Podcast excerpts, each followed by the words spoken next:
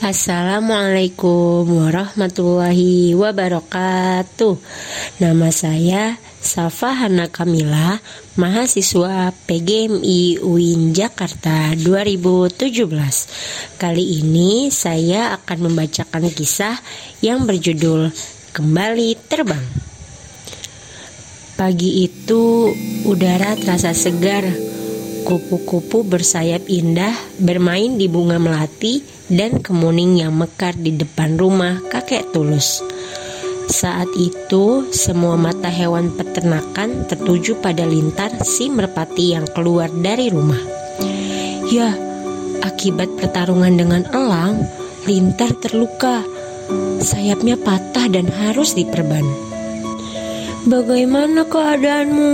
Tanya bocil kerbau saat diajak kakek tulus menarik pedati ke sawah untuk melihat padi yang akan dipanen besok.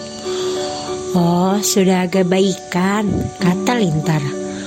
Lintar, sayapmu sakit, boleh nggak saya bantu membersihkannya?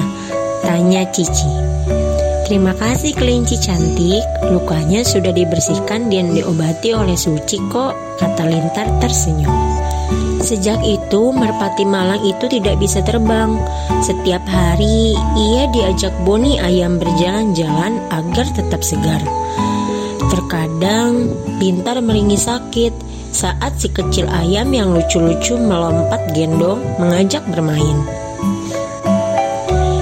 Setelah beberapa hari perban, saya pintar dilepas. Syukur kalau sudah sembuh, kata Molly si monyet senang.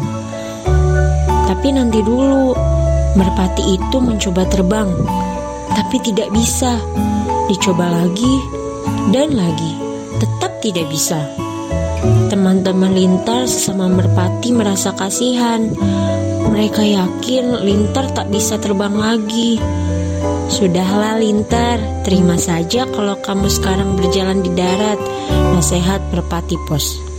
Iya, sabar ya, timpal merpati yang lain. Terima kasih perhatiannya. Saya harus bisa terbang. Harus. Karena saya burung kata Lintar optimis. Setiap hari Lintar berusaha terbang. Kadang ia melompat terbang dari atas. Melompat terbang dari atas punggung bocil, batu, pagar, juga jendela. Hasilnya tetap gagal. Bahkan bulu-bulunya rontok dan tubuhnya kotor oleh keringat serta debu. Melihat perjuangan Lintar, Akhirnya hewan lain juga mendorongnya.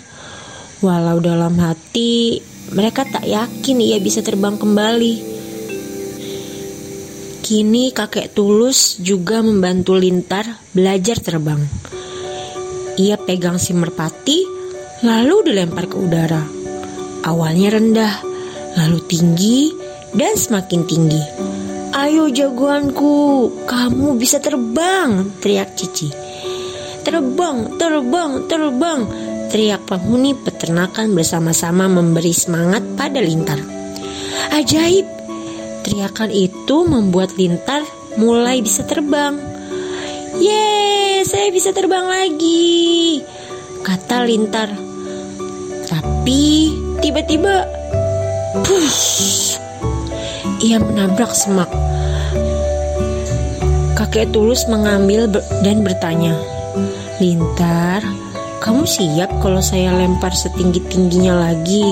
Uh, saya siap, kata Lintar yakin.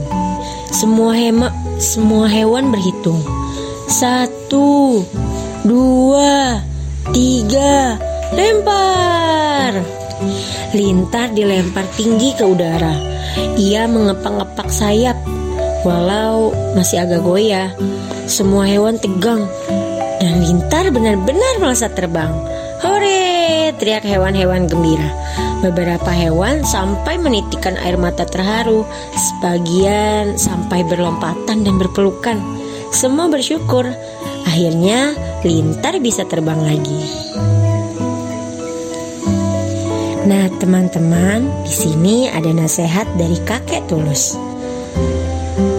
bahwa kegagalan adalah keberhasilan yang tertunda jangan takut terhadap kegagalan.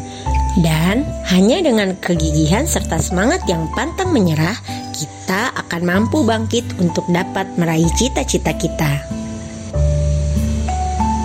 Mungkin cukup sampai di sini. Kurang lebihnya mohon maaf. Wassalamualaikum warahmatullahi wabarakatuh.